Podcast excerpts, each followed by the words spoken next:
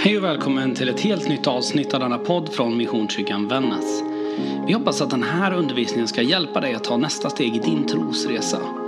Vill du veta mer eller få kontakt med oss så hittar du oss på www.missionskyrkanvannas.se eller på de vanligaste sociala plattformarna.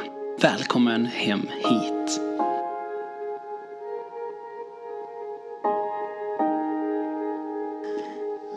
Jag ska börja med att läsa ifrån Jesaja. Det Sture läste fast lite mer. Så jag börjar med att läsa från Jesaja kapitel 40. Vers 1 till 11. Trösta, trösta mitt folk, säger er Gud. Ge nytt mod åt Jerusalem. Kungör att hennes träldom är över, att hennes skuld är sonad att Herren straffat henne dubbelt för alla hennes synder. En röst ropar, bana väg för Herren genom öknen. Gör en jämn väg i ödemarken för vår Gud. Alla dalar ska höjas och alla berg och höjder sänkas. Oländig mark ska jämnas och branter bli till slätt. Herrens härlighet ska uppenbaras och alla människor ska se det. Herren har talat. En röst sa förkunna. Jag frågade vad ska jag förkunna? Människan är som gräset, förgänglig som blomman på ängen. Gräset torkar, blomman vissnar när Herrens vind går fram. Ja, folket är gräs. Gräset torkar, blomman vissnar, men vår Guds ord består i evighet. Gå upp på ett högt berg med ditt glädjebud, Sion. Ropa ut ditt glädjebud med hög röst, Jerusalem. Ropa, var inte rädd. Säg till Judas städer, er Gud kommer. Herren Gud kommer i all sin styrka. Han härskar med mäktig arm. Sin segerlön har han med sig. De han har vunnit går framför honom. Som en herde vallar han sin jord. Han tar upp lammen i sin famn och bär dem i sina armar. Han driver tackorna varligt.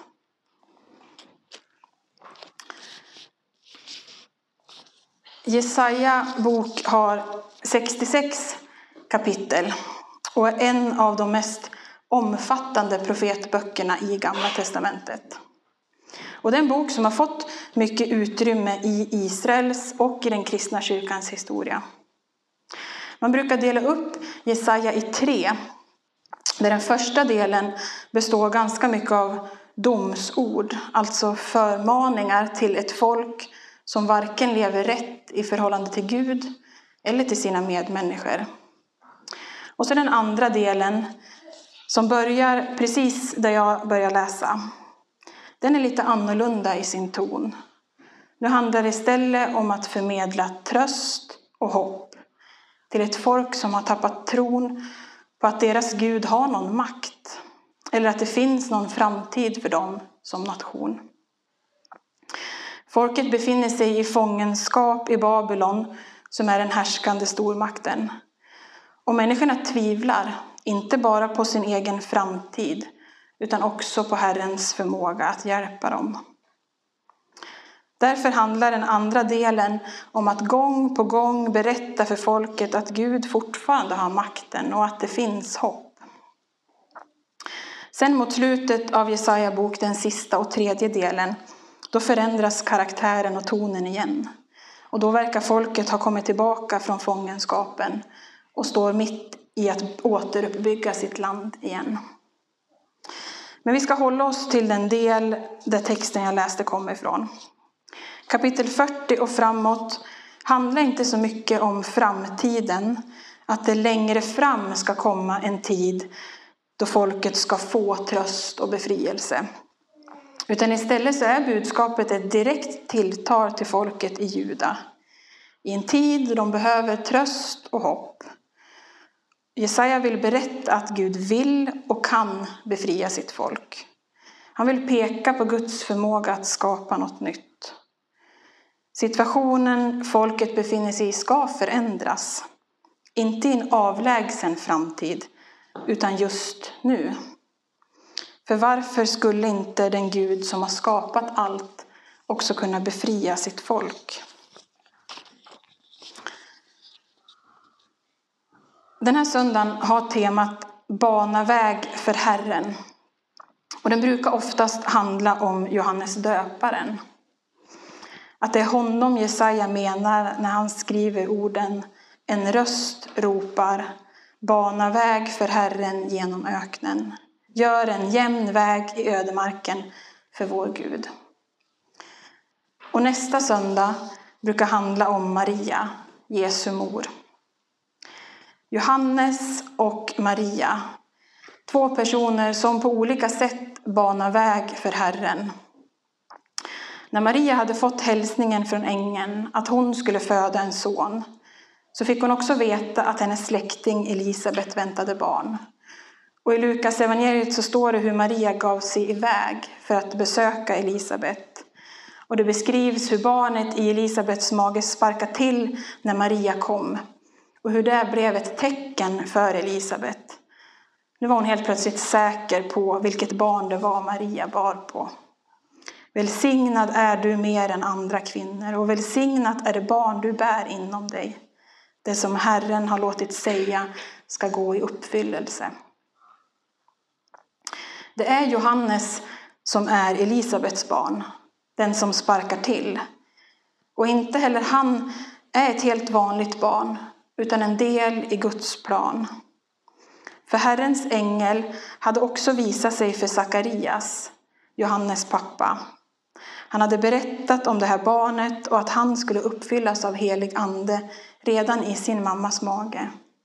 Och hur hans liv skulle handla om att få människor att vända tillbaka till Gud. Att han skulle få gå före och vända människors hjärtan. Så vi kan ju bara ana att Johannes, redan från då han var liten, har levt med både kunskapen om att Jesus inte bara var en vanlig släkting, utan någonting mer. Men också kring sitt eget liv, att han själv hade ett uppdrag. Och pojken växte och blev stark i anden. Och han vistades i öde trakter till den dag då han skulle träda fram inför Israel, står det. Den bilden vi får av Johannes är ju ofta att han har levt ett ganska torftigt liv i ödemarkerna kring Judeen och Jordan. Det är liksom enstöringen ute i öknen. Mannen med kamelhårskläder som lever på gräshoppor och vildhonung. Men som bland människor kan vara ganska vass och krass. Stöka till och skapa dålig stämning. Och det är inte så konstigt. Men jag tror inte att det handlar om att Johannes inte visste hur man skulle bete sig. Utan att det var det han sa som stökade till det i människor. För han talade till deras hjärtan om omvändelse. Han pekar på att människorna behövde tänka om, ändra sina prioriteringar, ransaka sina hjärtan. Och när någon säger så till en så skapar det dålig stämning. Men Johannes var tydlig, han var säker på sin sak. Han var inte rädd för att vara obekväm. För han visste att han pratade om någonting som var större än honom själv. Att han som kommer efter är starkare. Johannes gjorde bara vad han skulle.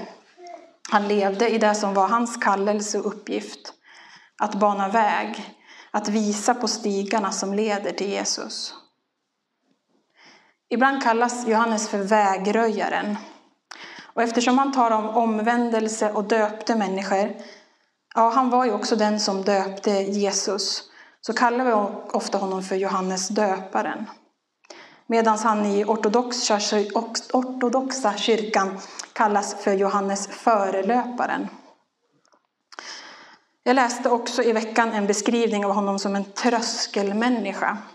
En person som står någonstans mitt emellan. Han står mitt i porten och representerar dels det förflutna och dels det kommande. Och så har vi Maria, Jesus mamma. Den där unga människan som blev utvald av Gud att bära, föda, uppfostra, vårda, älska hans son. Trots att det där besöket från ängeln förmodligen var mer omtumlande än vad vi någonsin kan föreställa oss. och att det mest logiska hade varit att säga tack men nej tack och springa långt åt ett annat håll, så väljer Maria att tro på vad ängeln säger. Hon väljer att lita på Guds plan, vila i att han har koll. Och oavsett vilka prövningar som väntar, trots att Maria själv hade noll koll på hur det skulle bli, så lägger hon sitt liv i Herrens händer. Hon litar på honom. Hon väljer att bära hans liv i sin kropp. Må det ske med mig som du har sagt. I Marias fall så handlar det om att våga säga ja, ställa sig till förfogande. Att låna ut sin kropp, sin tid, sitt liv och bara låta det ske. Hennes ja var att bana väg. Därför kunde Gud genom Maria ge Jesus till världen, erbjuda oss förlåtelse för våra synder och reparera vår brutna relation med Gud.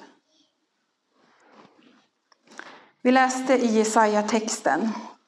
Bana väg för Herren genom öknen.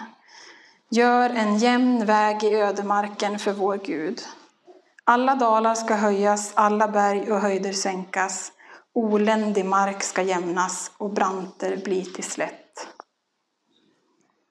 Jag har inte banat någon väg i öken. Men jag kan tänka mig att det inte är det enklaste.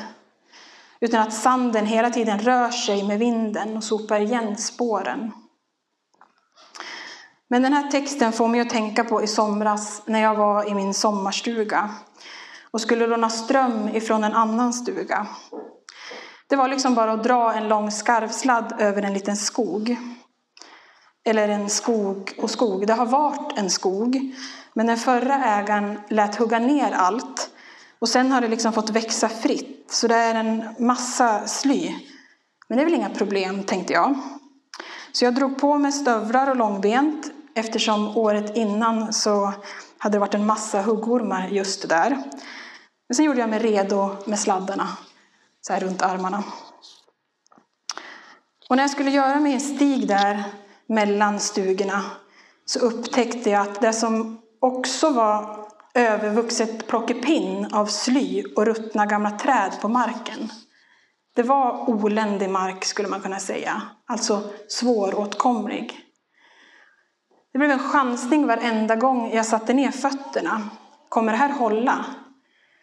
Och när jag stod där vid ett tillfälle, nedsjunken liksom till knäna eller nästan upp mitt på låret, så minns jag att jag muttrade någonting om att i vår, då ska jag minsann använda röjsågen.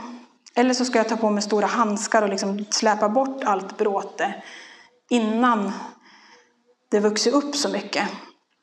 För då kanske jag kan se vart jag går. Men så inser jag att framför allt så handlar det nog om att jag behöver lära känna den där plätten. Jag behöver veta vart det är bäst att göra en stig. Eller bara bestämma mig för att klara mig utan ström. Och jag tänker att det är lite samma sak när vi ska bana väg för Herren. Det är viktigt att vi bestämmer oss för vad vi gör, varför vi gör det och att vi lär känna den där plätten som vi ska röja på. Är det en dal som ska höjas eller ett berg som ska sänkas? Att vi inser att i vissa fall så behöver vi använda röjsåg. Vi behöver gå hårdare fram, verkligen vara vägröjare. Kanske till och med vara den som lägger vägen från början. Som bryter ny mark, gräver ur och bygger upp. Det är hårt slit och kommer kräva jobb. Medan i andra fall så handlar det mer om att snitsla banor som visar på väg, som får människor att undvika hinder. Eller så är det också bara att skylta och vara tydlig. Och så finns det sådana tillfällen som nu, med snöröjningen, att det behövs tålamod. Vi plogar eller skottar upp en väg och så snöar det igen och så är det bara att börja om igen. Vilka vägar ser du som behöver röjas? Stigar som behöver skottas rena eller trampas upp? För din skull, för andras skull, för Guds skull. För det är inte bara Johannes och Maria som är vägröjare, förelöpare, tröskelmänniskor eller Herrens tjänare. Det är vi allihopa. Som kristna är vårt uppdrag att bana väg för Herren, inte bara i adventstid, och inte bara bana väg för Herren i andra människors liv eller på den plats vi lever här i Vännäs eller genom det vi gör i vår kyrka. Utan kanske framför allt i våra egna hjärtan. Att ännu tydligare göra plats för Jesus och så får det där andra komma sen. Vi står, precis som Johannes, också på en tröskel mellan gammalt och nytt. Mellan ett då och ett nu. På ena sidan finns våra erfarenheter, saker som vi har med oss. Och på andra sidan finns en framtid som stundtals är oviss. Vi lever inte i exil eller fångenskap som folket under Jesaja tid. Men vi kan leva i hopplöshet ändå. Vara människor som tvivlar, inte bara på sin egen framtid, utan också på Herrens förmåga att kunna hjälpa till. Jesus vill möta dig där på tröskeln. Han vill vara med i beslutet om vad du tar med dig in i det nya från det gamla. Men jag tror inte att vi ska stanna kvar där på tröskeln, bli stående vid gamla livsmönster eller låsta tankar och drömmar, utan att Jesus vill visa oss vidare, här och nu. Sakarias fick veta från Herrens ängel att Johannes liv skulle komma att handla om att få människor att vända tillbaka till Gud. Att gå före och vända människors hjärtan. Tänk om det också är vad våra liv ska handla om. Men då behöver vi, precis som Johannes, vara stark i anden. Och som Maria, lita på Guds plan. Vi måste först vända tillbaka till Gud själva för att sen kunna gå ut, gå före, vända människors hjärtan, låta mötet med Jesus Kristus förvandla mig, dig och världen.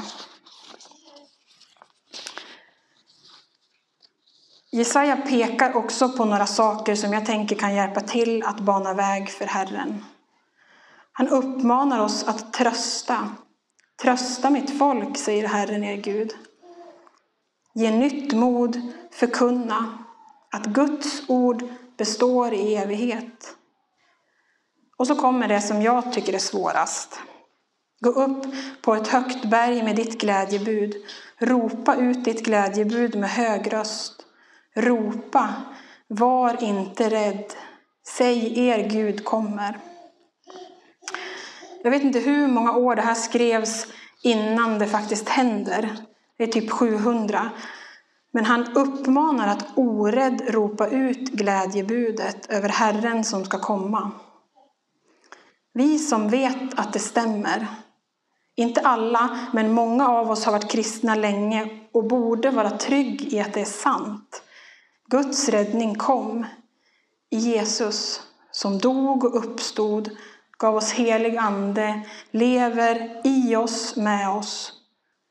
Till skillnad från hos Jesaja så är glädjebudet i vår tid inte bara en profetia, utan det är något vi lever mitt i. Vi har facit. Men gör vi det? Ropar vi ut det glädjebudet? Jag är ofta för feg för att ropa, rädd för vad folk ska tänka och tycka. Men det kanske är det människor väntar på. Att få höra tydligt och klart att Jesus också är för dem. Det är inte bara för oss som redan sitter här. Johannes vågade, trots att människor tyckte att han var galen och konstig, för han visste att det var sant. Och Maria vågade. Låt oss be. Herre, ditt ord består.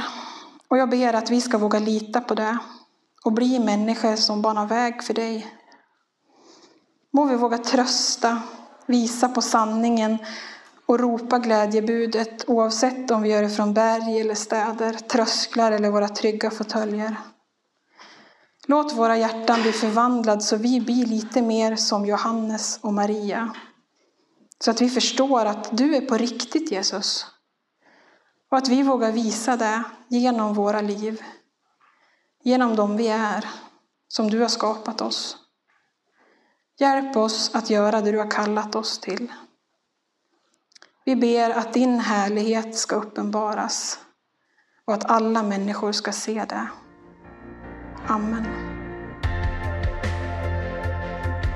Hej, det här är pastor Johan och jag hoppas att den här podden har fått betyda någonting för dig. Min bön är att det här ska ge dig verktyg för att ta ditt nästa steg i tro och i ditt liv i allmänhet. Spana gärna in vår hemsida, där finns det fler poddar, en mängd andra resurser. Gud välsigne din vecka.